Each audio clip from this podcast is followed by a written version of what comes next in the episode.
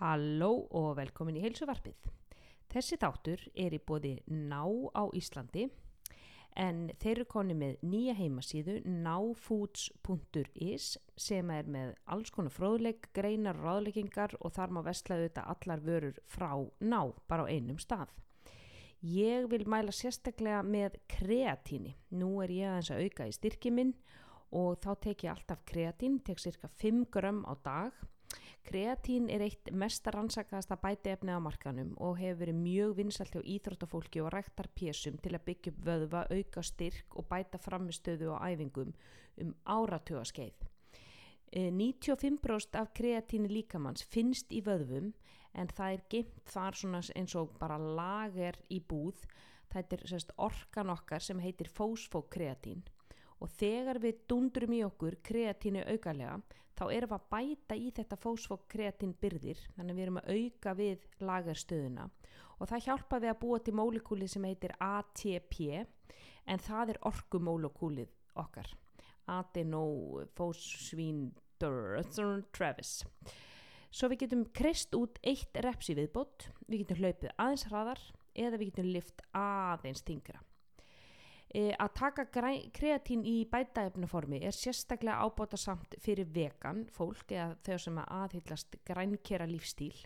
Því það hefur verið sínt fram á til dæmis að bæta hugrana getu að því að kreatín finnst aðalega í dauðum skeppnum það er semst eiginlega aðalega í rauðu kjöti.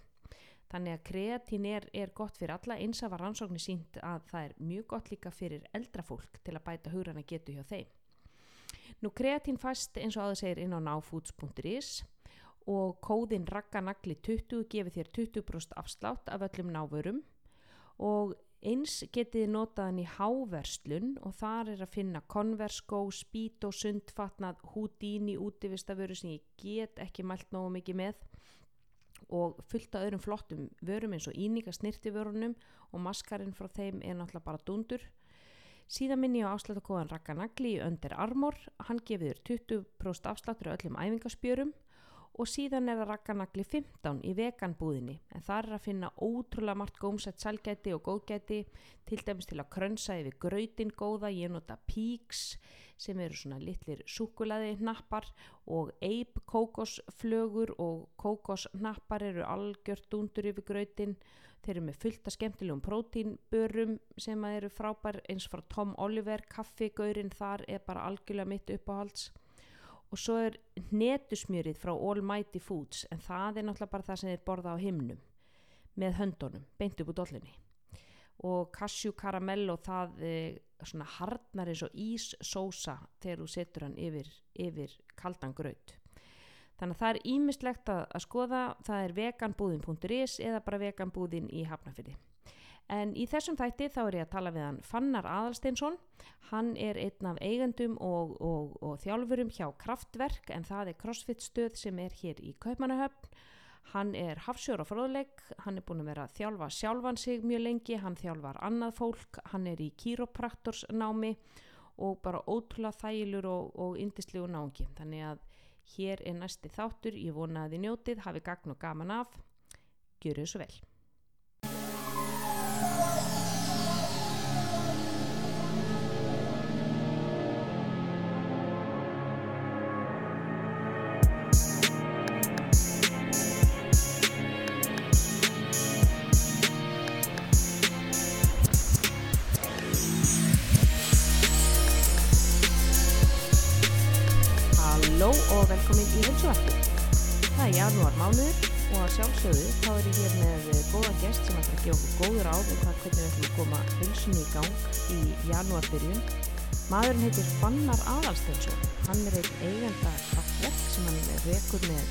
Sinni Anitu Dögg Watkins sem hefur innmitt verið gestur hér í hilsuvarpinu.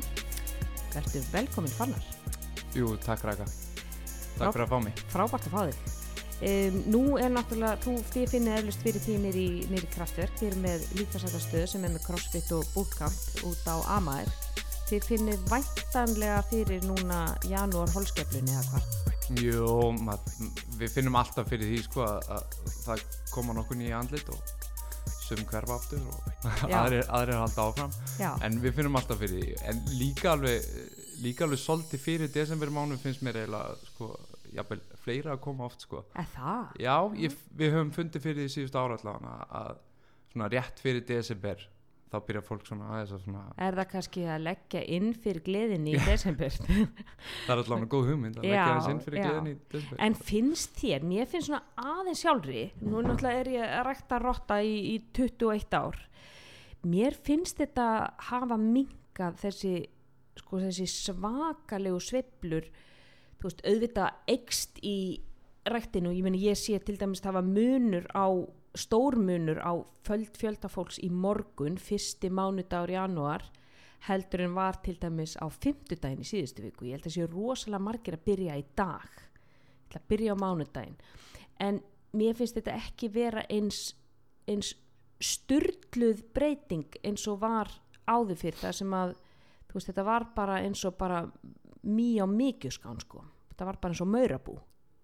Algjörlega og ég veit ekki alveg af hverju en þú veist, mér finnst líka sko um, reyfing í dag, það eru mjög margir í svona functional fitness Mm. það sem eru, þú veist, meiri félagskapur mm -hmm. og ég held að það, þú veist, ég held að það haldi líka fólki hans lengur í reyfingu heldur en eins og kannski gamla daga þegar að þú varst yngri eða Mhm. þú veist, þá var bara ræktinn að fara að lifta og síðan Mm. gafst maður kannski aðeins fyrr upp af því að maður hafði engan félagskap eða hóp í kringum sig til þess að íta sér áfram.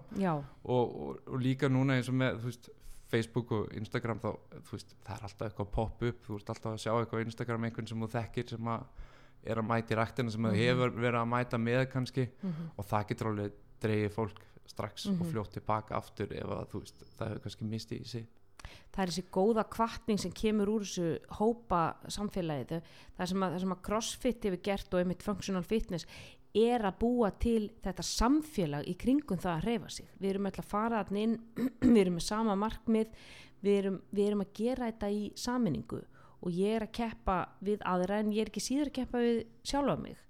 Og þá er maður að tala um ok, ég er kannski að keppa ykkur þingdir ég er líka að keppa við sjálfa mig í mætingu og í því að bara hvetja mig áfram.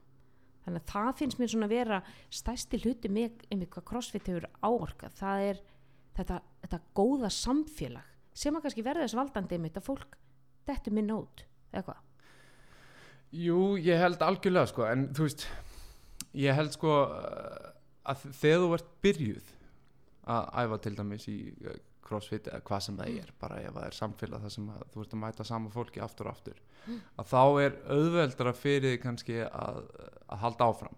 En ég held að erfiðast að skrefi yfir tjá fólki það er, það er að byrja sko að því að fólk, mörgum finnst það ógeðislega erfitt mm og þau fá kvíðan út í maðan bara fyrir að mæta og, og þurfa að æfa eða svitna bara fyrir framann annað Mhm. fólk. -hmm. og það er þetta fyrsta skref sem er svona sem getur virkilega verið erfitt að erfitt að komast yfir og, og sumir hverjir svona er ekki alveg, eða þú veist, þeir byrja kannski með hörku, Mhm. mæta Mhm. ógislega mikið fyrstu fjóru vikunar eins og við Mhm. erum að tala um í janúarform Mm en, en síðan místega þessi einu sinni mm. og, og þau eru ekki tilbúin til þess að mistiga sig þannig svo þau hafi ekki eða hvað maður að segja kröfurnar til Já. sjálfsins eru svo óðbáslega Já, háar en við verðum einhvern veginn líka sko, það, verður maður verður að pæli því að, eða hugsa um það að þú átt eftir að mistiga þig, sama Mhm, hvað já. og þú verður að vera búin að vera búin að hugsa út í það hvað ætlar að gera þegar þú mistiga þig af því að þú veist, það er alltaf læg að missa á æfingu sko. Það, heimurinn fest ekki sko heiminu nei, ekki, nei. en hvað ætlar þá að gera á morgun eða í næstu viku já. og ertu með plan, þú veist, þegar þú mistiga þig hvað ætlar að, hvað ætlar að gera Ég Ætlarðu- segi stundu sko, fólk byrjar að berja sér svo rosalega mikið niður. Ég er með, ég er með svo svakalegar væntingar til sjálfsmýns. Ég verða að sko taka núna, gjör svo vel, fáðu gógó, Takk. skál í bóðinu. Uh, ég verða að taka þetta með trompi. Ég að, ég er búin að fá hérna plan frá þjálfara. Hann segir, ég mæta þrísari viku að lifta, ég mæta tvísari viku í þólæfingar og hvað ef ég missi úr innan liftingaðingu? Hvað gerist þá? Þá riðlast allt planið. Þá er allt ónýtt og þá fer ég jafnvel ekki á morgun. Það dettur dampurinn úr og ég segi stundum ekki missa tvisar veist, ein æfing skýt með það, þú veist, gerist Já. ekki neitt. Um leiðut fann að missa tvisar leiðut fann að missa þrisar þá ertu fann að búa til nýja venju. Og, Al- já, og þú veist, og þá, þá ertu farin þá ertu komin í það, ok, það þá kannski er ég farin að mæta bara tvisari viku og hvað, þú veist, hvað dugir það, get ekki það bara alveg sleft þessu, þetta er nú nógu, þú veist, djöfitt leðilegt, excuse my language, sko. Mm, og þá fyrir snjóboltinn að rúla sko. Veist, það er ofta alveg um sko, maður þarf að- passa sig að fara ekki og hratt á stað og, og þannig ég held að það sé ekki stærsta vandamáli Nei. þannig finn ég ekki fyrir því hvað að er þú veist- stærsta vandamál? Það er þetta að vera ekki með bakkaplan og ef Mm. einhvað smá fyrir úrskeiðis að þá leifa öll að fara úrskeiðis. Mhm, þú veist, þú getur átt lélanda þú getur sofið ítla um nóttina mhm, vaknar og, og borðar krepp allan mhm, daginn. mhm, og bara því að þú borðaði krepp þannig dag þá ætlar þú bara að sleppa því á mæta æfingu. mhm, mhm. Já. og það má bara alls ekki gerast. Nei, og svo verður þetta líka öfugt ég, ég, ég sé villa ég á, á tíma í, í, í kraftverk klugan sjö þú veist, ég svaf villa, krakki á vakandi allan nótt með gubbupest, þú veist, ég er engu, engu standi til að mæta. Um, ég sleppi því og þá borða ég líka Já. eins og smákrakki allan daginn. Af því að a, ég er vansvefta og ég meina rannsóknin sína það þegar við erum vansvefta þá borðum við, við sækjum meira í einföld kolvetni, við erum með leptín og grelin okkar svengdar og settuhormónir og algjörlega út úr þeir eru út og suður. Þannig við erum ekki í neinum takti við sko okkar líkamlegu þarfir. Og pluss það að þá kemur svona þetta mentalitet bara að þetta fuck it. Fuck it, ég glimti, ég, ég sleppti æfingu þannig ég get alveg eins bara Já. allt ónýtt Já, Mm. og ég held að það sé bara mikilvægt þú veist, ef þú ætlar að taka það á taka svona janúar törn eins og við erum að tala um þá að setjast niður og svona uh, bæði hugsa sjálfur hvað hva langa er, hvert er, hvert er þitt markmið mm en líka bara tala um það við einhvern og tala um það við einhvern hvað ætla ég að gera þegar þetta fyrir úr skeiðis -hmm. þegar ég mistími mm. Mm ætla ég bara að setja einn heima eða ætla ég Mhm. að ringi einhvern vin eða eitthvað og eins og segir að vera með bakkaplan því að það er alltaf það er alltaf bakkaplan ok, ég sko, þetta þarf ekki að vera allt eða ekkert. Ef ég missa af æfingu og ég er kannski fastur heima með veikt barn ég kemst ekki á æfingu í dag. Þú veist, það er bara útiloka, við getum verið með bakkaplan ok, ef ég missa æfingu klúan 7 um morgunin ég get farið klúan 7 um kvöldið, skilur það getur verið bakkaplanið þitt. Ef að ég, ef að ég er ekki með barnapössun, þá get ég tekið barni með á þeim tíma sem er barnapössun. Ef ég er fastur heima með veikt barn hvað get ég gert heima? Þú veist, Já, notaðu sófaborðið notaðu, þú veist, gerðu arbegur á gólfinu gerðu nokkrar nýjabeir í loftinu þú veist, Já. gerðu eitthvað, gerðu eitthvað mobility æfingar eða nokkra sit-ups eða skilur hreyfðu því þannig að haldu vananu gangand og sendu þessi skilabóð ég er manneski sem hreyfi mig sama hvað dýnur á já, einmitt svona eitthvað, eitthvað er alltaf betur en ekkert algjörlega Já. sko. Veist, eh, læknisráði segir er það ekki hálftími á, á dag Rétt reyfing og, og tvisari viku hérna intense reyfing Já, ég með, það, það er oft bara, og bara nóg, ég menn ekki kemst ég út í göngutúra á einhverjum tímapunkti.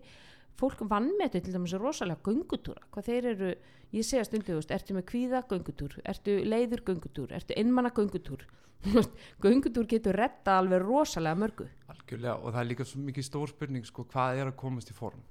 Er, viltu komast í form til þess að geta byrja að sína það á Instagram og fengi Mhm. pening fyrir það. Mhm. eða viltu komast í form til þess að þú getur byrjað að hlaupa með börnunum út í gardi eða klifur upp í trjám?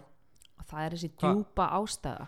Þú ert búin að spurja sjálfa þig fimm sinnum af hverju vil ég komast í form, mér langar að líta betur út mér langar að líða betur, ok, hvað þýðir það að líða betur? Hvað þýðir það fyrir þig Já. Það þýðir það að ég sé betri eiginkon og hvernig, hvernig, hvernig lítur það út? Já, ég menn það er til dæmis þegar ég er í góðu skapi og ég er ekki í góðu skapi þegar ég er ekki að hreyfa mig og þegar mér líður ekki vel líkamannum og ég er ekki ána með mig og veist, þa þannig að við förum dýbra og dýbra og oftar en ekki er það einmitt, mér langar hafa góða heilsu vegna sem mér langar að vera til staða fyrir fólkið mitt. Algjörlega. Og það er, ég finna fyrir ekki, ég finna bara eftir ég fekk börn. Þá mm. svona þá er ég komið miklu svona dýbri ástæð til þess að halda mér í formi Mm til þess að halda áfram að reyfa mig að því að þú veist, ég veit ekkert skemmtilegur en að geta farið út með fjár ára strafnum mínum í hérna tarsanleikin Já, einmitt þú veist, klifur upp í trjám og, og hoppa og detta og, Þú gerir það ekkert einhver miðaldra kall með bumbu sko, þú veist, þú ert er ekki tarsanleik nei það er það sem ég vill ég Já. vill geta gert það þegar ég er miðaldra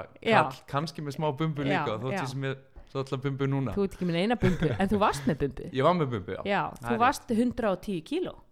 Já. á ekki neinu formi og, Engu og, formi, sko. engu formi. Og það, segð okkur eins frá því.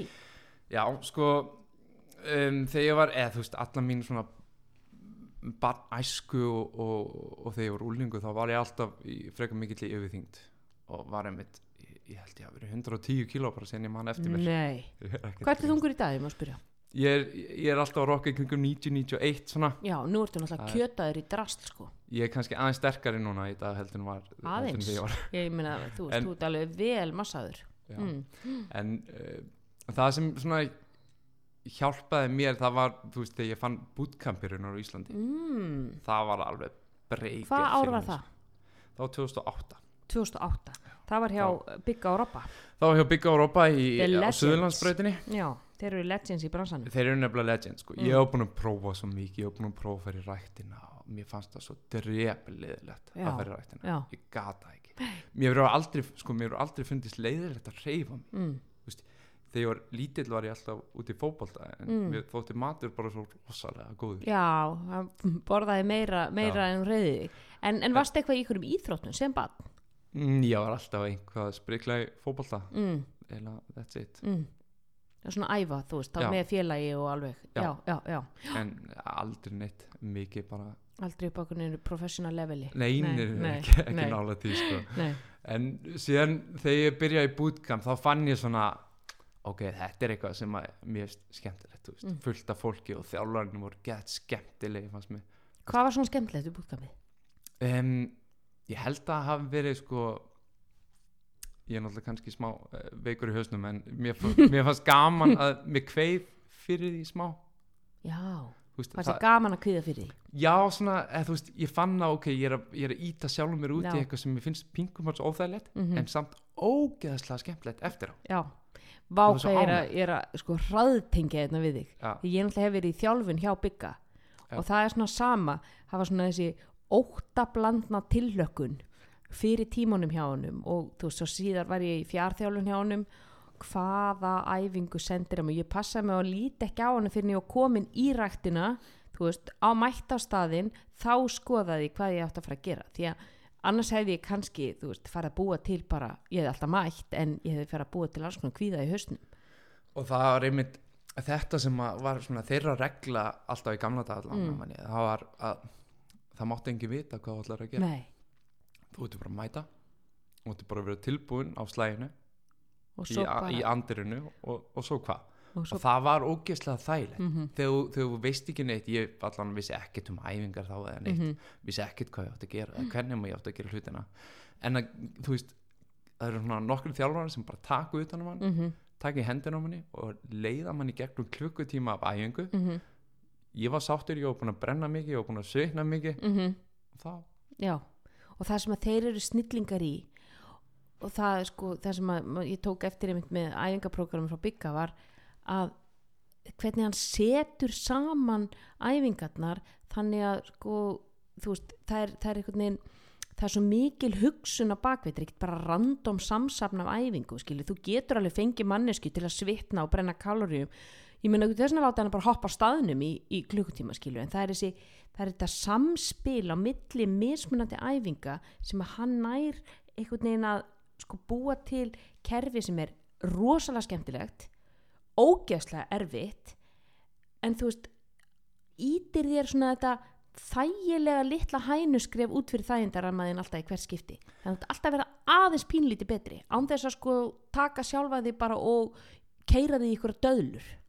Já, ég er í mjög saman því. Mér, mér finnst það einmitt svolítið svona kunst sko, að geta samansett þú veist, það geta allir samansett einhverja ógeðslega æfingu. Já, en að geta samansett góða æfingu, það sem Mm. svitna mikið en samt skynnsamlega á, á, á sama tíma. Mm að það sé ekki bara erfiðustu æfingarna sem þú ert að gera í klukkutíma endalaust. Nei. Það heldur það enginn út. Það þarf líka alltaf að vera eitthvað svona þægileg það þarf að vera eitthvað þægilegt inn á milli og, inn á milli já. sko. já. og auðvitað og það líka það, það tölum við líka bara um miðtöðkerfið og að það að við séum ekki að brenna okkur út það er enginn sem getur gert high intensity æfingar sexta vikunar á þess að sko bara keira sér í svaðið eftir 2-3 mánuði þú veist, miðtöðkerfið er það, það höndlar ekki stress algjörlega sko. en þetta var svona þetta var gott fyrir mig og þú veist, ég veit að bootcamp hefur líka þróast og, crossfit hefur þróast rosalega mikið síðan þá. Mm en hver er munur á bootcamp og crossfit? Nú veit ég að þið eru bæðið með bootcamp og crossfit í kraftverk já, og margir sem átta sig ekki alveg á því hver er munurinn á þessu tönnu sko munurinn er kannski um, ja, allan hjá okkur. Þá er munurinn þannig að bootcamp er meira samvinna. Mm. um, minni mjög tæknilegar æfingar ekki of tæknilegar æfingar. Já, eru þið ekki að vinna með stangir þá? Nei, við erum ekki Mm. að vinna með stangir. Við vinnum með sambóka, við vinnum með ketubjöllur Mhm. og við vinnum bara með líkamþyngdina já, en, uh, en við erum ekki að fara í æfingar sem að krefjast of mikill að tækni eða coordination eða Mm, mm. þannig að þér. Um, þetta er meira bara svona reyfing myndur þú mæla með því við fólk sem var til dæmis að byrja núna í janúar? Bara byrja í janúar. Veist, ég er ekki búin að reyfa mig í fjögur ár og nú er janúar 2020 nú er tíminn, ég er búin að hérna, ég er 35 ára húsmóðir ég er með tvö börn og, og, og ég bara látið sjálf mig sitja á hakanum. Ætti svo kona að byrja í bootcamp eða ætti hún að fara í crossfit? Sko, þetta er góð og stór spurning. Mm, ég mæli með öllu. Ok, sama hvað reyfingin er, Mm. þá mæli ég með henni. Mm, það er bootcamp er ekkert fyrir alla crossfit er ekkert fyrir alla, MMA er heldur ekkert fyrir alla. Mm, en reyfing á að vera fyrir alla. Já, rétt og það, þetta snýst alltaf um að finna veist, hvað finnst mér skemmtilegt? Mm hvað nenni ég? Og, Mhm. og, og sumir vilja æfa einir sumir þóla ekki að láta að horfa á sem hennar æfa Mhm. eða, eða vera í kringum annað fólk. Mm aðrir þurfa félagskap og Mhm. margir þurfa félagskap -hmm. þannig ég er en ef, ef við erum að tala um sko hvað væri svona auðveldara fyrir miðaldra 35 Já, ára að byrja í þá myndi ég segja að bootcamp væri kannski auðveldara að byrja í Þannig að bootcamp væri ekki svona grunnur til þess að síðan sko fara yfir í crossfit eða hvað. algjörlega sko algjörlega. það en, en, en, þið mælið ekkert sérstaklega með því að fólk byrja fyrst í bootcamp og fari síðan yfir í crossfit. Það getur alveg byrjandi komið og farið. já, já. Við fáum bæði við fáum byr, byrjanda í, í alla tíma hjá okkur sko, við erum líka með styrta tíma og, já. Þið eru með byrjanda námskeið ekki? eða við erum með sagt, við erum með einu sinni í viku á 50 Mm. þá erum við með byrjanda tíma Mm. þar sem að þjálfarinn fær alveg ótrúlega mikinn tíma bara með hverjum og einum Mm. Mm. og það er ótrúlega gott og þá erum við bara að fara í gegnum alveg basic æfingar bara hvað eru mjöðum, hvað er mjöðma Já. reyfing hvað eru hnið og þú veist. Hvað eru svona helstu algengustu mistöki svo sérð hjá fólki einmitt í crossfit það, sko, sem er að byrja í crossfit? Það eru veist þessar þessi tenging við líkamann hún er oft bara ekki til staðar. Það áttar sig ekki á því sko einmitt, hve- hvenær er hvað er mjöðmann ykkur hvernig, hvernig ger ég framkvæmi þessar helstu reyfingar eins og veist, í nefbeinu hvernig læti ég mjöðmina sem að kalla það the hinge veist, hvernig er svo reyfing að láta hana byrja reyfingun í mjöðminni og hva, Já. hvað sér þú svona helstu mistökin? sko ég sé kannski ekki ég sé þetta kannski ekki sem mistök af því að fólk er svo misjáft Mm -hmm. það eru margir sem að eh, koma til okkar og eru bara að þú sýnið þeim einu sinni hvernig að gera almennilega nefnbegi og Mm. þeir bara kunna það kunna síðan eru aðrir sem bara hafa aldrei hreift sig áður já og þeir vita ekki bara að þeir séu með liðamót mm -hmm. Sem getur hreift sig. Mm og það þarf svolítið að kenna þeim það sko að, Sérðu þá, er það þá aðla fólk sem kannski kemur til því sem hefur reyft sig áður? Kannski, þú veist fertur kall sem að var samt í fótbolta þangur til að hann var tvítugur skilur, en er síðan bara búin að vera einbetta sér að starfsframanum og núna ætlar hann að koma sér í form. En hann býr að þessari líkamsvitund og þessi vöðva minni ennþá. Frekar heldur en þú veist, 50 á húsmóður sem hefur aldrei gert neitt Ertu, Já. ertu að meina þá að, að þeir sem að þeir sem að sko vita í rauninni þú þetta sína þeim einu sinni hvað hafa þeir frammi við þann sem að næri þessu ekki í fyrsta skipti hafa þeir vöðvaminni þeir, hafa þeir Mm, bakgrunn eru nei, þeir, nei. Ég, ég get ekki sagt það sko um, ég, mér finnst mjög erfitt að vita eða erfitt að segja hvaðan þetta kemur hvort Mm. þetta kemur frá bassað sko þú ert vöna að hlaupa, klifra og detta og mm. ég heldur að þetta komur svolítið þaðan Mm. hjá mörgum Mm, um, að því að þú veist, þegar við erum börn, þá eru börn börn eru líka mjög misjöft hvernig þau reyfa sig og hvort þau bara læra að reyfa sig eða hvort þau fái leifi til þess að reyfa sig. Mm oft á tíðum finnst mér. Um, en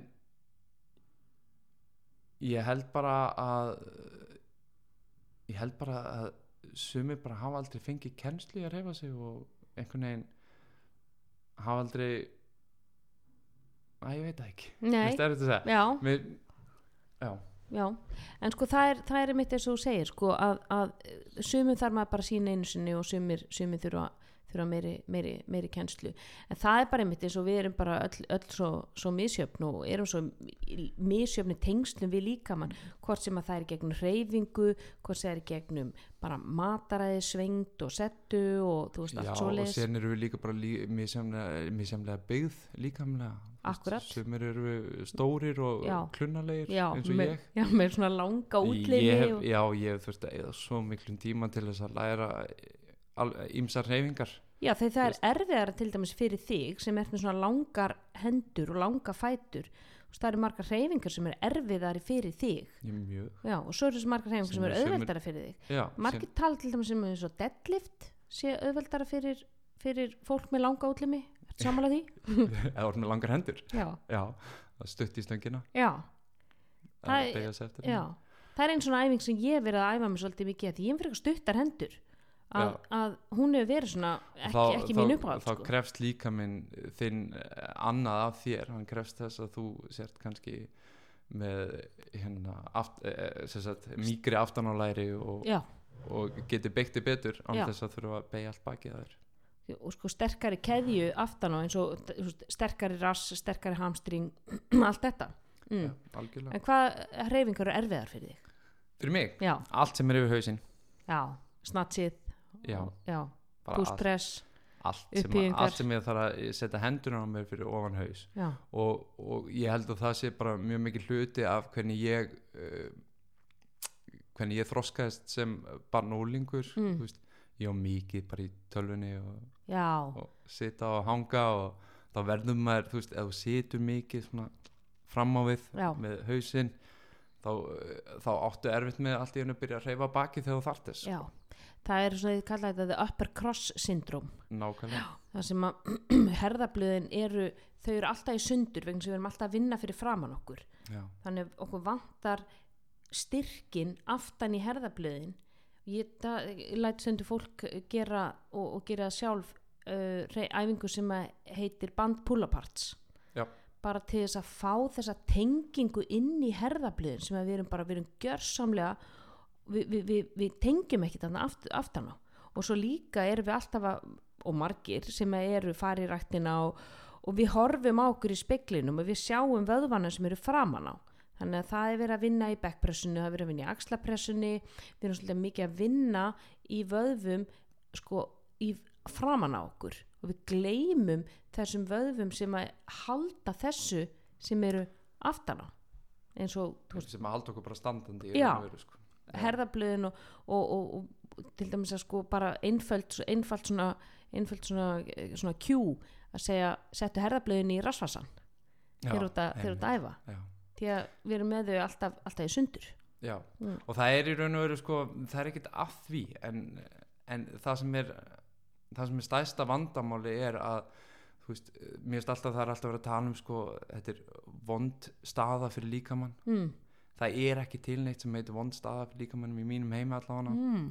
það er það er til eitthvað sem að heitir að næsta stað er kannski betri Mm. sem sagt að reyfa því, Mm. að skiptum stöðu Mm þegar þú situr allan daginn í tölvunni Mhm. ert, eins og ég, akkur núna, ég núna er að læra undir próf. Já, ég verð bara á tíminna fresti að standa upp, leggjast á gólfið já, eða standa upp að læra eða gera einhvað af því að ég finna bara líka minn og bakið á mér það, það fer allt í klessu.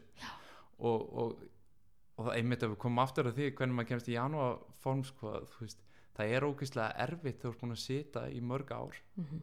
Ekki kannski í líkamlegri erfiðri vinnu að fara að byrja allt í henn að reyfa sér líkamann. Þú ætti eftir að verða au eða aumur. Þetta áttur að vera vond fyrstu dagana.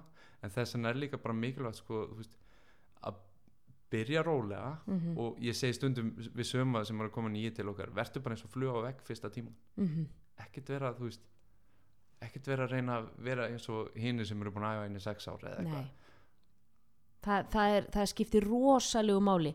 Það er ekki að ofmetnast. Skildu egoið eftir í búnisklefanum kondu inn og þetta er mitt gott sem þú segir. Verður bara að fluga á vegg, skoðaðu, horfðu á og, og prófaðu síðan sko, præmaðu til dæmis bara í tögakerfið með að prófaðu bara að fara undir stöngina bara taka hana af rekkanum og svo bara skilinni bara finna það hvernig er að hafa stöngina bara á, á, á herðunum veist, það er til dæmis bara, bara, bara eitt hlutur.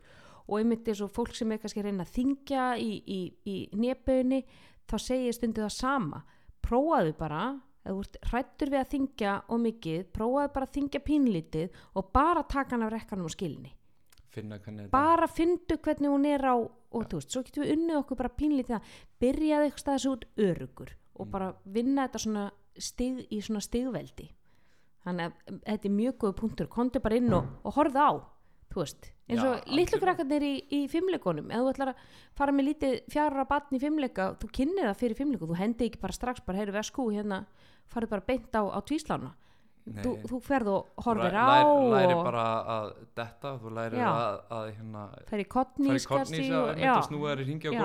sko. Og bara byrjaði þá, kontu bara að byrjaði með stöngina og aðeins að, að, að finna þetta. Og finna þetta öryggi sem að liggur líka í því að hafa þetta hópefli, hafa fólk í kringu sig sem er tilbúið að hjálpa þér og oftar en ekki eins og segjum, þetta eru þungskref að koma inn í líkasattstöður að, að þú veist ekkert hvað ert að fara að gera, hvað er að fara að gerast er ykkur að fara að hýja á mig, er ykkur að fara að hlæja mér? Það er allir að fara að horfa á mig, ég kann ekki neitt þetta verður alveg hræðilegt. Og, meni, og maður tengir, hversu oft ef maður pælti að ég ætla að fara að byrja í golfi. Ég kann ekkert í golfi, ég verði svo fáviti. Ég verði þarna út á og slæ, kann ekki, ég hitt ekki boltan og ég slæ grasið allt upp úr og að ég sleppi því bara. Og ég, meni, ég er ekki ennþá fann að fara í golf. Sama við fyrir í föndurbúð ég meni, ég veit ekki, þú veist, eitthvað glimmer dót hér og ég veit ekki hvað er að leitað og það, þú veist, það vita allir hvað er að gera einna. við erum allstaðar einhverju nýgræðingar og byrjendur og kunnum ekki neitt einhverstaðar já, algjörlega. Og þess vegna þurfum þar maður líka bara hjálp eins og ég sagði svolítið í byrjun þú veist að hérna, tala við einhvern um hvað ætla ég að gera, af hverju. Mm. og það þarf líka bara hjálp með þú veist að, að tala um hvernig æfingu gæti ég hugsanlega fundist skemmtileg. Mm -hmm. tala um mismunandi æfingar, kynna sér mismunandi æfingar Mm og alveg sem með mataræði þú veist, mm. ég upplifi svo marga sem að veit ekki eins og hvað matur er. Nei, og mér finnst það alveg sorglegt. Ég vissi aldrei hvað matur, matur var þegar ég var yngri. Sko, að vita hvað prótín, kolvetn og fita er, með það er bara Það er bara mjög ekki- fáir sem já, vita það er mjög, mjög fáir sem vita hvað þegar maður segir kólvinni þá tengir fólk oft bara Brauð. pasta og brauð já. það er bara, segi, það er rosalega oft ef ég segi, ég er reyna að sleppa kolvetnunum. Já ok, hvað hva eru kolvetni fyrir þér? Já svona brauð og pasta. Já ok, en hvað með karteflur, rótagræmiti og búlgur og rísgrjón og hýðsrísgrjón og gúskus epli, ó, já, hérna, það eru kolvetni. Ó, já, já. algjörlega. Mm, og ég held að það sé svolítið mikilvægt að svona fyrsta skrefi að þú virkilega vilt taka til í mataræðinu að kynna þér og fræðast um hvað mataræði raun og veru er. Eru þið með eitthvað svoleiðis fræðslu kraftverk? Um, við erum með, þú veist það er þetta að kaupa sagt matarfræðslu eða svona matarprógram og Mm, og þá er alveg farið vel í hvað, hvað er gott að borða og hvað er hlutinni gera en, eru það þá svona tímar? Nei, ekki tímar, bara nei. sem sagt bara svona uh, samtala á milli tvo þjálfara. Já ok, já, við erum ekki með ne- neina tíma þannig en það væri eitthvað sem vantar bara fyrir fullorðu fólk í dag sko. ég til í að koma, kenna. Já, Já, endilega.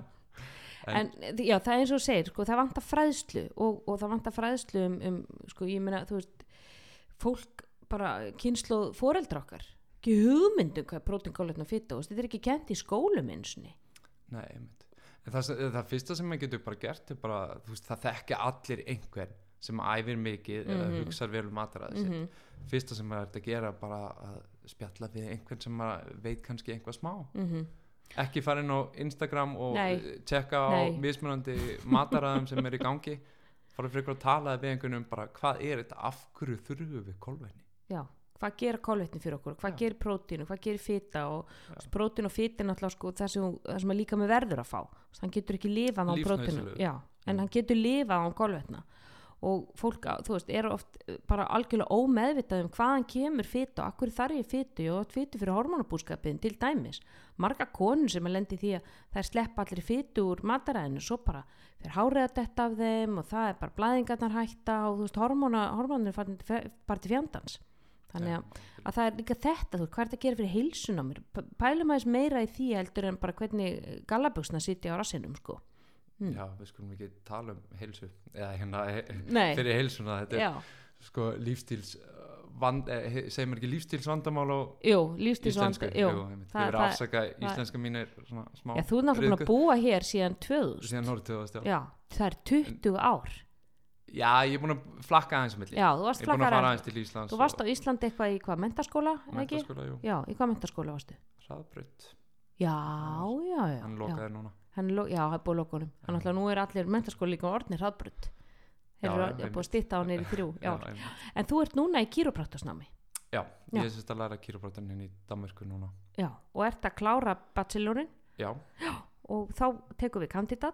Og og einmitt, Já. tvö árið því Já, og þú ert að læra þetta í óðinsi já, Já. sé, það er Þú ferðast á milli með lest Less og gú Ég geri það, ég geri það svona tvisar, eða þrísvar til fimm sinnum í viku þá ferðast ég til óhansi Það er hvað, er það ekki lest. klukk, klukktími í lest eða hvað? Jú, sjá lestin er klukktími sko, en Já. síðan tekur smá tíma með strætó Já. og, Já.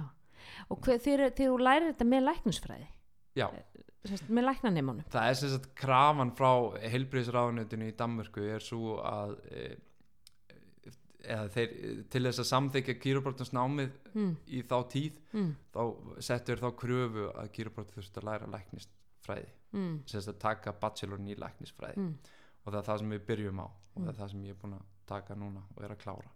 Útskýri fyrir þá sem að ekki skilja hvað er kýrópraktur, hvað gerir kýrópraktur Kýróprátor, hann er sko hann sér bara um e, það sem hann kallar stóðkerfið mm, allt í sambandi við vöðva líkamál eða hérna liðamót. Mm, og e, við erum að nú er ég svo lélur íslenska við erum að diagnostisera Já, sagt greina. greina já, mm, greina sjúkdóma eða, eða bara hvað sem er meðsli og mm annað. -hmm, og, og leggjum plan fyrir fólk mm hvað það getur sjálf gert -hmm. hvað við getum gert til þess að hjálpa fólki en svona stæsti parturinn af þessu er í raun og veru að greina að greina, greina vanda greina í- í, vandamálin já, í stóðkerfinu og Já. það er oft erfiðara en maður Já. heldur að því að yfirleitt flest, já, flest meðsli þau eru oft tengd einhverju öðru líka þú veist, eða kannski ílt í aukslinni þá getur verið að mjöðminn sér stíf. Mjöðminn sé stíf Já, eða mjöðminn sé skökk og, og þetta, allur líka mann hann tengir svo á hann er svo mikil keðja. Hann Já, er svo mikið mhm, keðja og mhm. það, er, það er ótrúlega spennandi. Já, ef einn hlekkur er umur og þá getur það bara haft áhrif á alla keðina Já, Mm. flestir kannski kannast bara við kýróprátur því að hann nikkir mm, og það er að- vissuleiti mjög stór partur hjá okkur Mhm. af því að það sagt, okkar reynsla, kýrópráturna reynsla hefur bara sagt okkur að, að nikkingar virka vel? Já. hvað gera nýkingar hvað, hvað, er, hvað er að gerast í líkamannum? Í líkamannum? Já, það er sem sagt, við finnum einhver, einhver, einhver liðamót sem að okkur finnst ekki reyfast eins og ættu að reyfast eða, eða reyfist kannski mismunandi á tveim stöðum, sagt, hæri eða vinstri. Mm. og það sem við gerum við er, að, er að við leysum aðeins um þannig að liðamóti geta reyfst betur mm, og þar á meðan og, og, og, þess vegna getur liðamótin nærst betur og þannig getur personan hreift sig betur liðamótin en Mm. það sem að gerist sko í raun og veru hljóðið að orta pæli því, ég veit Já. ekki það hljóð sem maður heyri það er raun og veru bara svona gas sem að leysist út úr liðamótunum á milli, li, milli liðana Já. já, já, já. Ég, ég var farað mikið til Gumma kýrópraktors á kýrópraktorstóð Reykjavíkur það er svona eini kýrópraktor sem ég hef prófað og nú vantar mér, mér vantar eitthvað svona til að nikja mig á milli í Danmörku. Þannig að nú, nú býði bara eftir að komast í bekkin hjá þér.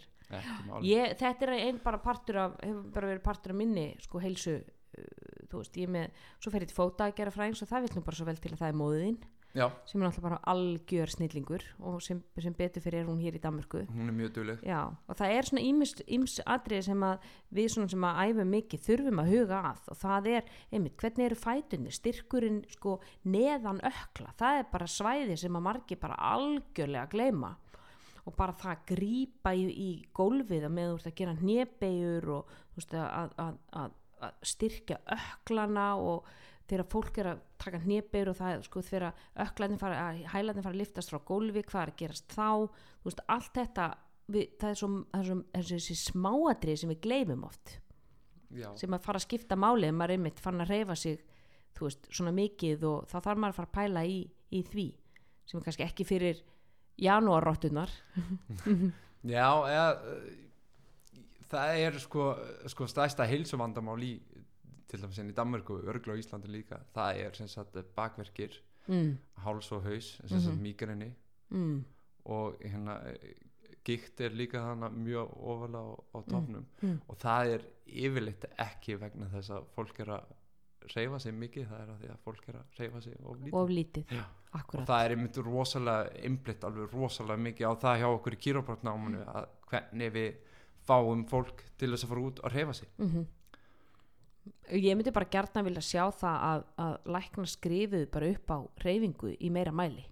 Heldur en að grípa til þess áður en að það er skrifað upp á asmapúst eða Ég, þetta er, þetta er, þe- það er svo það er svo margir lífstilsjúkdómar sem eru bara orðnir einhver eða veist eins og sikursíki 2 þetta er orðin einhver epidemi mm, í, í Vesturlöndunum. Já, læknar eru allan að byrja að segja það að þeim, þeim líður eins og þetta sjóruði epidemi og það er einhvern veginn það er rannsaka rosalega mikið hvernig er hægt að sagt, lifa lengur Mhm. með sikursíki og, og fleira en það er nota allt og lítið af uh, resúrsa já uh, resúrsum já, bara peningum já, í, já, í, sem sagt, í að fyrirbyggja. Í, í að fyrirbyggja. Já, því að það sem að sko vestræn, vestræn læknisfræði er rosalega góð í að sko meðhöndla svona akút hluti veist, að- slís og, og, og svoleiðist þú veist og akút veikindi. En þegar kemur að krónísku vandamálum þá erum við bara með allt loðrétt niður um okkur því að við erum ekki að fyrirbyggja þau veist, króníski lífstílsjúkdómar sem að koma bara af því hvernig við erum reyfing, mataræði, svefn, streita, allt þetta að hvernig, hvernig hvað, við erum vonlust í því. Sko ég held að séu, ég held að séu fleiri þættir í þessu líka. Veist, við erum náttúrulega að lengja lífið okkar sagt, meðal aldur er að lengjast með þrjá mánuð á ári og við erum búin að gera það í 150 ár. Já, en við erum að lifa miklu Og- lengur. og þá, þá kem, koma náttúrulega krónisk vandamál Mhm. eða sem sagt, lífstíl sjúkdómar með því. Mm en hvernig við getum sem sagt, senka þessum lífstíl sjúkdómum það finnst mér ótrúlega mikilvægt. Og það er meðal annars bara á topnum reyfing Já, sem að gerir mest fyrir reyfing okkur. og mataræði algjörlega, og ég meina lífstílsjúkdómar eru heldur ekkit bara hjá eldra fólki. Þessi lífstílsjúkdómar eru bara fann að sjást hjá, hjá börnum bara of, ofan í sko, sko grunnskóla aldur og ég meina í bandaríkjunum er börn með forstig af síkusíki 2 og þeir eru farin að tengja það við það að þau eru alltaf að snarla. Það er Já. bara stöðugt verið að snarla bara klukkutíma fresti eru þau alltaf að stinga ykkur upp í sig. Þannig þau eru alltaf að losa út insulín líka minn mm. þannig að hann er honum ónæmur fyrir insulíni hjá börnum. Veist, hættum þessu snarli líka með þarf ekkert næringu á klukkutíma, tvekja tíma fresti. Og, þar gæti fræðslan kannski koma þess bara fyrir inn bara beint í grunnskólan eða? Já, og sama með sko fullána fólkið. Maður sér það ofta, það, það er búið að heila okkur svo með þessu þessum sex, eh, sjö máltíðum á dag alltaf að vera með eitthvað borð eitthvað tvekja tíma fresti þannig að við erum alltaf það að var auðvitað mjög fínt fyrir 150 ára síðan. Þá vorum við líka aktífari. Einmitt. En í dag, það, við erum bara ekkert svo aktíf í dag. Nei, og líka með geymir sko byrðir af glúkósa og, og hitaeiningum. Það er nóg til. Já, það er nóg til sko já.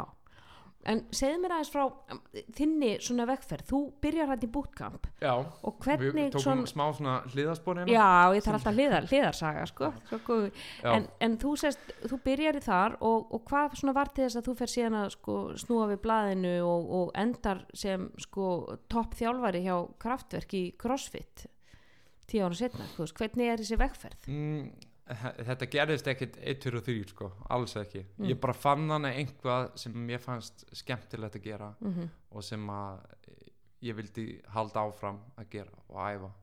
Og, og það eitt ítti mér rosalega langt. Síðan var það verkum að ég bauð sem sagt Anitu sýstu minni Mm. á æfingu á Íslandi með mér mm, og henni fannst að gegja það líka og, Mm. og bauð síðan mannum sínum Nick. Mm, mm, með æfingu líka. Og þau ákveðu að opna bootcampin út í Danmörku. Mm, sem var kraftverk. sem er kraftið Já. það var núna í dag. Mm. Og stuttu síðar eh, ég flytta nú út einmitt á, aftur til Danmörku, flytt hinga út aftur til Danmörku þegar þau voru að opna. -hmm. og held bara áfram að æfa hjá þeim. Og Já. fljótlega eftir bara strax byrja að þjálfa hjá þeim sko. og þá byrja ég að hafa rosalega mikið áhuga á sagt, líkama og, og Mm. heilsu bara yfir Mm. höfuð Mm og það ítti mér svolítið út í þetta kýrópratunám sem Já. er dag sko. já, einmitt það var svona löng sög að sagði mjög stutt sko. já, en, já, en, en það er náttúrulega en einmitt það sem ég held mér gangandi var í raun og veru að ég hafi fundið eitthvað sem var skemmtilegt það tók ekki langan tíma að æfa tók bara klukkutíma mm og ég, ég æfði bara þrísvar í viku já, og hef gert mjög lengi þannig að þú æfir bara þessari viku. Ja, ég, í dag er þetta svona rockar þetta aðeins.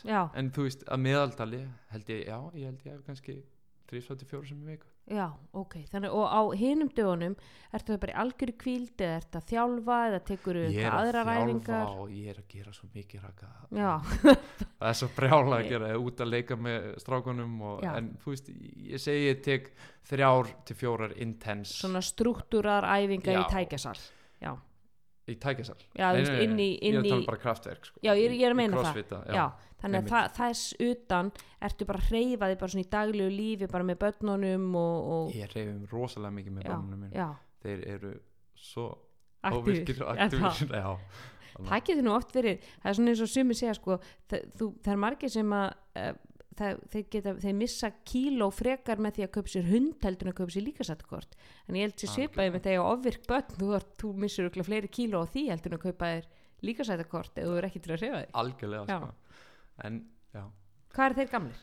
þeir eru fjagra og eins Mm. breyttist eitthvað æfingaprógrami hefur þegar þú eignast á? mm, nei ég myndi Nei, ekki segja það ég, en sagt mér finnst samt sko ég hafa náð betri árangri eftir ég eignaðist þá Nú, Já. ok Hvernig þá? það, ég held að þetta sé einhvern veginn hugsunarháttunum minn sambandi við æfingur af hverju er ég að æfa mm. eins og við tölum Mm. fyrrum og, og það hefur bara haft miklu meiri áhrif á mig að þú veist að halda mér í formi Mm. til þess að geta eh, verið eins hress og ég get eins lengi og ég get hefur ekki það missa svefn eða þú veist það hefur ekkert haft áhrif ég á mjög þólumóða og góða gerðustu ég missa ekki svefn nei, nei ég get ekki með svefn sko. það Nei. er bara minnst að kosti 8 tíman á nót annars, oh, annars er ég búinn sko. já, vá hvað ég tengi sko, ég þarf alveg nýju sko, stundum. já, það, Já. já. og þá ég er alveg ómöguleg ef að, ég hef alveg skrópað í skólanum bara því ég fekk ekki náðu svefn sko. Það er bara til þess að sofa aðeins lengur. Að því ég, þá veit ég bara ok, ég fyrir skólan ógeðslega þreytur og ég á ekki eftir að ná Nei og þú ert jafnvel bara ekki að fara að græða neitt á því. Og margir Ekki sem neitt. ég mitt segja þú eru átt vonda nótt að ég fokkitt ég fer bara, bara samt í, í ræktina. Þau eiginlega sko er betra fyrir því að reyna að halda áfram að, að sofa. Því að þú veist það til dæmis við erum 20% fyrr að þreytast í sko líkamleiri reyfingu þegar við erum vansvefta. Þú veist Já, þannig að við erum ekkert að ná eins, eins góðum, góðum árangri. Mm. ég man alltaf hvað hún saði hún sýstin sem að reyndar mjög góð punktur. Sko ef þú ert þreyttur eða illa fyrir kallaður kondu samt á æfingu. Taktu bara aðeins léttar.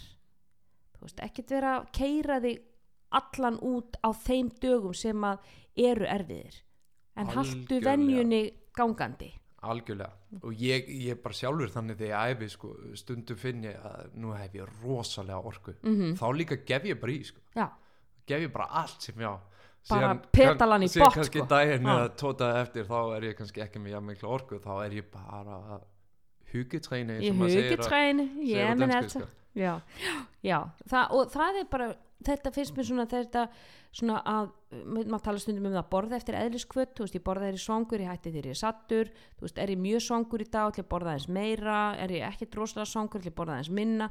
Það er svona að hlusta á líkamann sama með æfingar. Veist, hva, hver, hvernig er ég fyrir kallaður í dag veist, er ég þreyttur, var til dæmis rosalega erfið æfing hjá mér í gær, ég finn það alveg í skroknum, þú veist, gæti tekið mig kvíldata í dag en veist, ég ætla að mæta, ég ætla að fá bara blóða þess á hreyfingu, ég ætla bara aðeins að, þú veist, það er líka taka alltaf léttari lægi að æfa bara í hálftíma sko. Það er líka Þetta- alltaf lægi þetta að æfa bara að í korter, sko. tveir, já, Já. já. Þetta það er þarf ekki alltaf að vera einn og hálfu tími og, Nei. og bara all in, sko. og ég, ég, það gerist bara svo mikið í hausnum og, og í heilunum að þeir bara það að mæta og gera Mhm. eitthvað smá sko. Mm þú færi svo rosalega mikið Það er út þessi endorfín og allt þetta sem að, já. já, En hvað, hvað, svona, hvað ráðleikinga gefur þú þeim sem að alltaf stíga sín fyrstu skref núna? Hva, Mhm. Hvað segir þú við fólk? Þú veist, hvað, hversu ofta á til dæmis að mæta í ræktina? um, mér finnst eiginlega of lítið að mæta tvisasinnum viku Já, ég myndi segja þrísasinnum viku. Þrjusur með er svona það, lágmark. já, ekki það, þú veist það geta alveg komið vikur þar sem þú getur kannski bara mætt Mhm. mm viku, það er allt, allt í góðu og þú Mm. færð alveg mjög mikið út úr því. Mm en að mæta þrísasinnum í viku það kemur þér einhvern veginn eða, þú veist, er mín reynsla það kemur þér í betri rútinu Já, við höfum alltaf haft sko í þú veist, það eru þrjár æfingar í viku. Mm um, ekki meira uh, mánudag og þriðudag er sama æfingin þannig að þú mætir ekki mánudag og þriðudag já, já, og þeir sem að hafa náð sagt að stimpla sig inn á það og ná þeirri rútínu að mæta bara þrísa sinum í viku alltaf á sikkur á æfinguna Mhm. mér finnst þeir hafa ná bara lengst af öllum. Já, já. Þannig þeir eru það að mæta kannski mándag, miðugdag, föstdag, einmitt taka sér frí um, Frí um laugardag, helgar, já, kannski fara í göngutúr eða þú veist í sundi eða eitthvað, gera eitthvað aktíft með krökkunum eða eitthvað. mm. þannig að þeir, þeir ná, ná bestum árangri.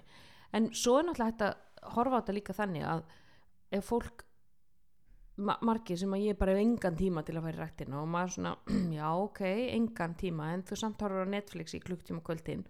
En leggjum það til liðar getur þú hugsaðir að mæta einu sinni viku? Getur, get, er það er það gerlegt fyrir því jú, ég gæti kannski fundið klukktíma einu sinni viku. Það er strax betri en null það er, uh, sko, öll hreyfing er betur en engin. Já, það er alveg, alveg 100% en ég, mér, ég held bara að sé líklegra að fólk detti út og hætti að hreyfa sig ef að það er að bara einu sinni viku. En algjörlega ef þetta er byrjunin já. byrjaði það sem þú getur. Sem er kannski katalistin af því að kannski eftir fjóra mánuði þá sé ég það, jú veistu ég held ég geti komist tvo dag í viku. Já, einmitt. Og með tímanu þá kannski ertu komin upp í og, og fyndu líka einhvað sem tekur bara ekki of langa tíma? Akkurat, ekki vera að æfa í þrjá tíma í einu eða eitthvað? Nei. Taktu bara eitthvað sem að tekur það, það sé svona svolítið með þetta, þetta þessi hugræna hindrun hjá fólki. Að það sér þetta sem sko eitthvað, ég verð að vera inni í tvo tíma sko, já, sem að þú ferð ekkert út úr sko. þú getur alveg stytt. Þannig að þú segir svona þrísar í viku sé gott ráð til að byrja með já, Já. algjörlega Mm. og, og, og finna sér réttu hæfinguna og það er ógeðslega erfitt mm. en þú veist, þú ert að kissa marga froska á nú heiti, heiti prinsinn sko það er bara þannig já, en, en það, mér finnst það eiginlega mikilvægast sko. þú veist ekki, ekki elda bara fólk fyndu hvað þér finnst skemmtilegt Já. að gera af því að öll reyfing er góð sko. Mér er svona líka, einmitt þegar við segjum það sko, fyndu það sem er skemmtilegt, er reyfing er ekkit alltaf skemmtileg, þú veist, og það er alls líka, ekki. við þurfum líka svolítið, en þetta á ekkit alltaf að vera umgjörn í kringunum hana getur kannski verið skemmtileg akkurat, þú veist, að þér líði vel í umhverfinu, Já. þú kemur inn, þú veist, hvort sem að það er líkamsættastöð, hvort sem það er crossfit stöð, það er eitthvað, eitthvað, eitthvað fólk aðna vinaleg andlit, samfélag sem tekur á móti, þeir heilsaði í afgjörstunni, þeir vita jafnvel hvað heitir, hæ, hvernig hefur það, ef ekki séð því í smá tíma, hvernig voru jólin, hvernig hafður það áramönd, allt þetta, þetta er miklu mikilvægari faktor heldur en, þú veist, kannski reyfingi, því þetta er mikilvægasti faktorn til að halda þér þarna. mm. og sér hjálpar það líka bara leður komin, leður byrjuð að reyfa þig þá er alveg rannsóknir sem sína það þá ertu líklegari til þess að byrja að borða holt og, Mm, og taka til í öðrum hlutum sko.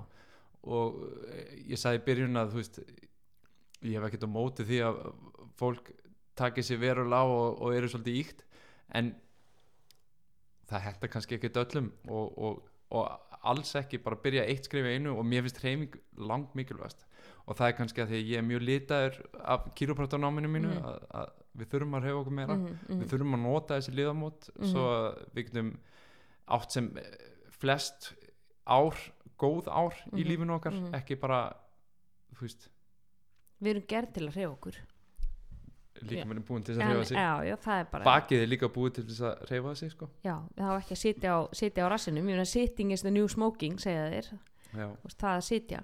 En þannig að mæta þrísar í viku og, og, og mataræði kemur svona með því. Hvernig, þú veist, hvernig til dæmis borðar þú? Hvernig er, hvernig er þitt mataræði? Mitt mataræði? Mm. það hefur sko verið misjátt kringum árin Jaha, og í já. gegnum árin. Já, ég ég reynir bara að borða reynan mat mm. matur sem ekki með miða. Já, já, hreina Mm. fæðu. Reyna fæðu og, en síðan leiði ég mér alveg mjög mikið líka sko. Það er ótrúlega eins og unnin matur hvað áhrif hann hefur, þú veist, hann er náttúrulega bara fabrikaður með því augnamiði að við borðum sem mest af honum. Svo hvernig get ég samsett bragðið þannig, þú veist, salt og sigur og fytu og þannig að fólk verði bara ánýttist og bara borði meira af því, það er bara rannsóknir sína það, ef fólk fær frjálsan aðgang að unnum mat, þá borða það sko miklu meira af kaloríum heldur en ef það er með hreinafæðu en það sem hefur kannski hjálpað mér mest og svona gegnum tíðina að þú veist það er líka bara að borða þess minna sko. Já, eins og vorum að tala um Já. að þú, þarft ekki svona mikið mat nei, það er alltaf eins og uh, fólk og, og ég get alveg nefnt sjálf mig þar líka eins og maður sé að geta fyrir eitthvað marathon eða eitthvað við erum, að, við erum að fara að lesa undir prófa eða eitthvað sem Einmitt. við þurfum enga orku eða þú veist líka með mun alveg koma okkur vel í gegnum þetta sko. þurfum einmitt að átt okkur á því sko við þurfum ekkit alltaf það þurfum ekkit alltaf að vera ykkur geigvænlegir skamtar en svo kemur líka hinliðin á peninu sem að sko ég vinn svolítið með og það eru þú veist konur sem eru bara borða alltaf lítið. Já. og þá fara þær alveg auðgarnar í hináttina. Nú ætla ég að taka mig í gegn og ég er hérna kannski að borða 3000 kaloríur á dag en ég ætla bara núna að fara á hana 1200 kaloríu gúr þannig að þú ert að slæsa þig niður hérna strax bara um ykkur 1800 kaloríur. Já. þú ert örgulega glórhungruð vegna þess að líka minn hann er allt hennu bara í sjokki. En svo það sem að gerist er að grunnbrennsla bara aðlagast. Hún bara aðlagast, ó ok, hún ætla bara að borða 1200 kaloríur, þá ætlum við bara að vera með output sem er bara 1200 kaloríur.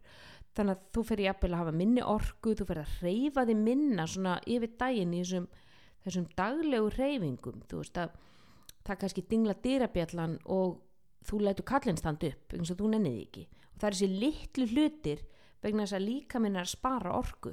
Og það er það sem ég sé oft hjá, hjá mínu þegar það er að er fara að borða allt og allt og lítið. Þannig að hvað ráðleikur þú fólki til dæmis til dæmis kona sem var að borða 3000 kaloríur á dag bara úr lélegu mat? Hvernig, hvað ætti hún að byrja með sitt mataræði?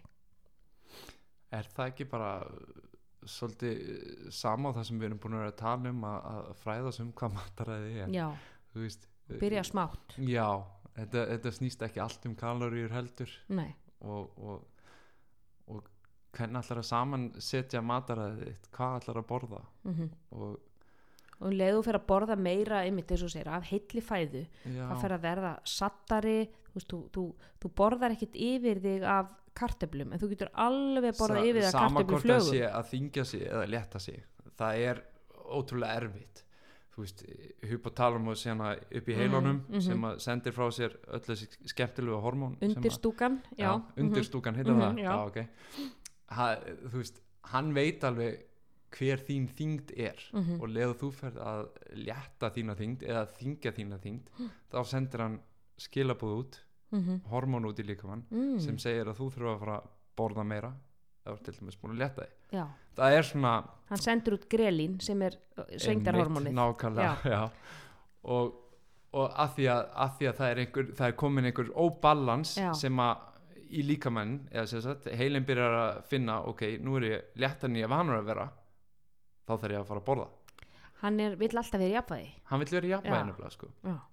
og það er svona það er svona tímabil sem að þarf að þarf að passa sig á sko. það er svo auðvelt að léttast um þrjú kíló. Mm, en að halda þessum þremum kílóum það er ógislega erfitt. Já. Og, því, og hvernig þú losaði við þessi þrjú kíló það ákvarðar hvort þau komi á, á þig aftur hratt eða ekki ef þú, grítir þér einmitt í bara það er ekki nóg að plana sko. Ok, núna ætlum ég að missa 2 kíló í januar Mhm. þú eru að plana hvernig ætlum ég að halda þessum 2 kílóum sem ég misti í februar og mars. Mm. Mm og april og mæju, júni og júli og, Já, einmitt. Mhm. af því að annars ertu svo fljótur að komast í, í sama farfi já, þú þarft að, þú þarft að finna matræði sem henda sem þú getur haldið við já, já það er einmitt. Og þú, se- þið þrísar í viku uh, bootcamp, crossfit hvað sem að þú veist og ég meina það getur jafnvel verið sund eða hlaup eða Algjörlega, það skiptir engum að það er ekki verið innandýra það getur verið hvað, hvað sem er. Þannig að það er svona á síðan fólk að auka við það þú veist, og byrjar í janúar, februar kannski þrísar í viku á fólk að bæta við, menn nú segir þú sjálfur þú æfi bara þrísar fjóru í viku. Já, ég, þú veist það fer alltaf eftir hvað markmiðið er. Mm. veist, núna er ég kannski í dag er ég með önnu markmið en þegar ég var yngri. Mm núna snýst það kannski um sko, þú veist, mér langar að geta gert einhverja æfingu sem ég veist gett cool eða ég er Mhm. kannski aðeins og þungur í þessa æfingu eða ég þarf að styrkja mig hér og þar. Mm og þá þarf ég kannski að leggja inn fleiri tíma í það. -hmm. en á meðan úr bara reyna að koma þér í heilsu og reyna að eins og við sem koma þér í form já hvernig sem sk- skilgreiningin á, á því er. Já, hún er mismunandi fyrir hvern og einn og hún er mismunandi fyrir hvern og einn og það, það fáði ráðleggingu um mm. hvert, hvert er þitt markmið og hvernig þarf það að komast að þínu markmiði. Mm það er svo misjast hvernig þú getur komast að þínu markmiði Já, leiðina markmiðin hvaða leið er best fyrir þig marga leiði til að flá kött sko. já. já, þannig að þrísari viku segir þú og, og, og þú maður getur þá bara bætt við mitt ef maður er að fara, að fara að stefna okkar meira nú hefur þú sjálfu keft á, á crossfit móti og varst nú að keppa hérna í, hvað var ekki, ágúst Jú, í Butchers Classics að Boostis Classics, já, Já. Með, mm, settur eitthvað meira púður í æfingarna þá fyrir það? Nei, Nei, helst áfram að æfa ég þrísari er, viku já, ég er bara svona áhuga maður að því að mér finnst það skemmtilegt sko. Ég er ekki að eldast eftir einhverja svaka drauma Nei, þú ert ekki að komast á pall eða það er meira bara gaman að kannski, vera með. það var kannski hugsunin mín fyrir hérna, einhverjum árum síðan Já. en hún er löngu farin nú er þetta bara að því að mér finnst það ógislega gaman sko. já, já, og ég nýt þess og, og ég er gaman að því að, að keppa við liðin á einhverjum strákum sem eru kannski yngri en ég og, og samt ná að þú veist, einmitt haldi við á haldi við á eitthvað. Það er, það er Já. ótrúlega, ótrúlega gott þú veist, þegar maður finnur það svona þú veist, nú er ég ánið færtug sko og maður, þú veist, maður er í rættinu og maður getur alveg þessa hluti og, ég með þar oft sagt um ha, ertu færtug ég haldi að vera svona Já, 32 ára þú veist, og þá er maður svona ah, still got it. Einmitt Já. í topp formi já, topp formi sko og í betra formi færtug en 30 sko en, en þú veist, það einmitt, það er líka mitt markmið. Ég, er, Er það ekki? Jú, ég, ég er í miklu betra formi núna heldur en þegar ég var tvítur og ég ætla að vera í miklu betra formi þegar ég er færtur heldur en núna. Algjörlega, jú, 50, byttu bara sko, þá ætla ég að vera, já. Já, en, en ég tengi alveg við þetta með sem er keppnir. Það er einhvern veginn heillar mikið, mér, mér finnst það, það, það veldur mér svona smá einhverjum kvíða að þurfa að sko treysta á að líka minn sé í toppstandi akkurat á einhverjum ákveðnum degi. Veist, það þarf alltaf að ganga upp svefni mér þarf að vera í lagi, næringi mér þarf að vera í lagi. Veist, þannig að ef ég ætla að fara að keppa því að vera á einhverjum palli en eins og þú segir, stundum er kannski gaman bara að vera með og þetta þarf ekkert að vera eitthvað einhver episk sigurganga. Nei, nei, eða þú veist ég, er allavega reynda þannig sko. Ég, Mm. ég er ekkit bara að mæta til þess að vera með Mm. ég er alveg að mæta til þess að gefa mig allan Já, fram. enda ég meni, ég horfði á þig á gólfinu, þú gafst þig allan þessi ógeðslegi ormur, hann þessi sandpoka ormur, að þetta var viðbjöður viðbjóður. en, en ég hef bara gaman að því eins og þú veist, eins og þegar ég var að mæta í fyrsta skipti í bootcamp tíma þá hafði ég gaman að því að, að pressa eins á sjálfum með að gera eitthvað sem mjög óþægilegt. Mm, eitthvað út fyrir þægindaramann mm bara eins og að mæti ég þetta viðtal til þín en held ég Já, þú veist. það er óþægilegt. að- það er óþægilegt, eitthvað sem ég aldrei prófað áður. Mm og ég held að við höfum bara öll mjög gott af því að því að þú veist Já. á bara eftir að uppskýra eitthvað mjög gott úr því ég veit það, þegar maður fyrir aðeins út, út fyrir þægindaram Já. og eins og segir, þetta er, er óþægilegt og mér er svona leðilegt þegar fólk notur orði að þjást, þjástana á gólfinu, þú veist, þú ert ekki að þjást, þér er bara líða óþægilega, það Þetta- þjást er allt annar, allt annar hlutur, Þetta eru bara tilfinningar já, sem að uh, eiga rétt á sér sko. þú veist, við hefum rétt á, á því að vera reið við hefum Mhm. rétt á því að fá kvíða við hefum rétt á öllum tilfinningum og við hefum að leifa og við hefum bara að taka staðum og, og brosa fram hann í alla tilfinningar. Og hvernig við orðum hlutina, það skiptir máli. Hvernig orðum hlutin í haustum ég las einmitt svolítið skemmtilegt, ég er að fylgja einn á Instagram sem heitir Mentality What held ég á neti.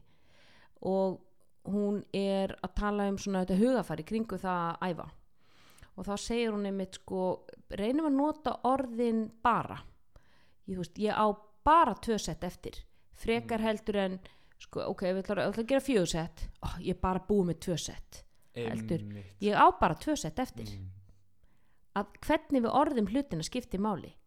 Og, og ég man um þetta Anita talaði ég svona, hvernig, hvernig hvetur þið áfram þegar þú ert að æfa? Þú veist, þetta er þetta mental struggle þú ert kannski að gera 50 wallballs búið með 30 og 20 eftir þetta er viðbjöður, til- næ, næstu tíu sem við erum að pæli ymmit ekki, eða næstu 5 bara. Eða bara næstu fimm já, Já. það er alveg nóg sko. Já, og bara telja þetta ég tel þetta svolítið í sko í bútum. Þú veist, ef ég til dæmis að gera 20 kaloríur á assault hjólinu sem ég var að mynda að gera í morgun að þá byrja ég sko einn, ég með svona eða ég með svona ljóð í hausnum einn, það er hálnaverk þá hafið þér. Tveir, einn tíundi búinn. Þrýr, svo kemur uh, fjórir, einn fymti búinn. Fimm, einn fjórði búinn, ha, það er 25% 25% búið já, og þú veist, þá er svona nægi að sko, þú veist, koma mér áfram 6, 7, 33 og ég held að þetta sé mjög holdt að tala við sjálfa sem að maður að efa Mhm. segja bara, þú veist ok, það er bara þetta sett sem ég er að gera núna. Ekki vera að pæla í næsta setti Nei. eða hvað er langu tími eftir eða neitt annað. Einbyttu eru því sem þú ert að gera akkurat núna. Mindfulness. Já, já, það verður svo miklu Já. við erum með mitt örgulega, ég held ég með mjög svipa hugafæri ég og sýsti mín sko. Mm. við, hérna, hún hefur verið kend við ímsa karaktera sem eru illir og eða, þú veist, hún er, getur verið svolítið crazy. Þegar hún er að æfa já, já, já. ok, hefur aldrei eftir með henni. Nei, Nei. ég hef ekki eftir með henni. Ég hef náttúrulega bara kynst henni bara svona uh, kettlinga hugge uh, svona einhverjum hýtingum já, já, ok. Mm. En það er, það er mikilvægt að hafa þú veist þú verður bara að íta öllum neikvæðum hugsunum út úr hausnum þegar þú ert að æfa. Já. Og- og, og hugsa bara um eitt lítið verkefna í einu. Bara næsta reps. Það er Ek- bara eina, ekkert bara, já, það er bara eina. Bara halda áfram, halda áfram. Ég er Já. ekki með réttu uppskriftina að því en, en það er einhver gjöf sem ég hef allána Já, og það er bara þetta, hvernig við tölum við okkur sjálf í hausnum, þú veist, og erum við að æfa vegna þess að við elskum okkur, að því að við erum að fara inn að því að við ætlum að hugsa sem best um líkamann, hvað get ég gert í dag til þess að sko heiðra líkamann minn, frekar heldur en ég hata hvernig ég lít út, ég er svo mikið, mikið hérna, svín og gráður, ég át allt og mikið í gerð og þeir fari rættin og refsa mig fyrir það. Þannig að hvaða hugafar eru við með, gagvart æfingunum, það skiptir líka rosalegu máli mm. í það að eignast þetta heilbriða samband við æfingar ef ég er að fara hann inn af því að ég þól ekki hvernig ég lít út. Ég, ég hatast út í speilmyndina ég byrja hver dag á því að stíða á viktina og nefnir ekki haggast. Oi, oi, oi, nú þegar ég fara að hlaupa og hlaupa og, og svitna og gera. Þá er ég að fara að fara í ræktina þegar ég er þreyttur. Ég er að fara þegar að ég er illa fyrir kallaður, ég er vansvefta þú veist, að ég verð að fara. Ég verð að fara og brenna kaloríum að því ég lít svona út og ég er svo ömulugur versus það, ég er ég elska sjálfa mig ég heiðra líka minn, ég ber virðingu fyrir honum, ég er að gera þetta að því að mér langar að líða vel, mér langar að vera hraustur. Og þá fer ég og hlusta á, ok, heyrði, hann er þreyttur í dag ég að taka aðeins róleri æfingu. Og þá eignast þetta, þá ertu ekki alltaf að tengja þessa neikvæða tilfinninga við rýmið. Og þá endist þið líka miklu lengur. Ergo, þú lítur síðan betur út. Algjörlega, já. Þannig að, já. En er einhver lokarð, viltu kveði okkur með einhverjum góðum janúar hilræðum fyrir fólk sem er gengur skjálf Bara, beinóttin í kraftverk núna. eh, já, bara ekki gefast upp á sjálfu þér þú veist. Það, það er til lausn á öllu og, og hérna og þú veist, verðu við, við þurfum að vera duglega bara að tala um það ef okkur finnst eitthvað erfitt. Mm -hmm, segja það bara, eða spyrja þjálfaran mm þú veist, og spyrja heimskulustu spurningu við þjálfaran, eins og við erum búin að tala um. -hmm, þú veist, hvað, hvað er þetta annað mataræði sem fólk er að tala um? Mm og ekki, vera, vera ekki bara detta og prófa Nei. þú veist, tjekkaðu hvað af hverju þurfum við hitt og þetta í líkamann? Mm -hmm. um, og hérna já, Já, vera óhrætt við að spyrja og mynd, sko, það er engin spurning er heimskuli og það er til lausnir á öllu. Ég mynd, veit um þetta, það var einn sem að fóri æfi CrossFit Reykjavík og eldri kona og, og hún var alltaf að pissi í sig þegar hún var í að, að sippa og hún skammaði sér svo fyrir þetta og svo loksins manna á sig upp og, og talaði við Evert, hann sagði elska mín þú, bara, það er 90% konu sem pissi í sig Það hérna er þegar sem hafa eitthvað spörn sko. já, já, já, við bara hérna við, við rettum þessu bara önnur æfing og ekkert mál það er engin spurning sem að er kynróðavaldandi eða Nei. nógu Nei, bara, þú veist, það er lausnir á öllu. Mm. algjörlega. Fannar búið frábært að fá þig. Þú ert öðlingur og, og því sískinni þið eru góðum genum búin en Takk eru þið, frá, frá móður ykkar sem er náttúrulega bara dásamleg. Bara sjáta á, á Herborgu Benson sem er fótaðgerri fræðingur í köpen get ekki mælt nógu mikið með henni allir að skella sér kraftverk eða einhverja líkasættastöð á, á Íslandi og um að gera bara finna reyfingu sem að ykkur er að skapi og færi ykkur til þess að halda ykkur við efnið dag eftir dag sama hvað. Takk fyrir að hlusta á heilsuarpið og þá til næst, við erum bless.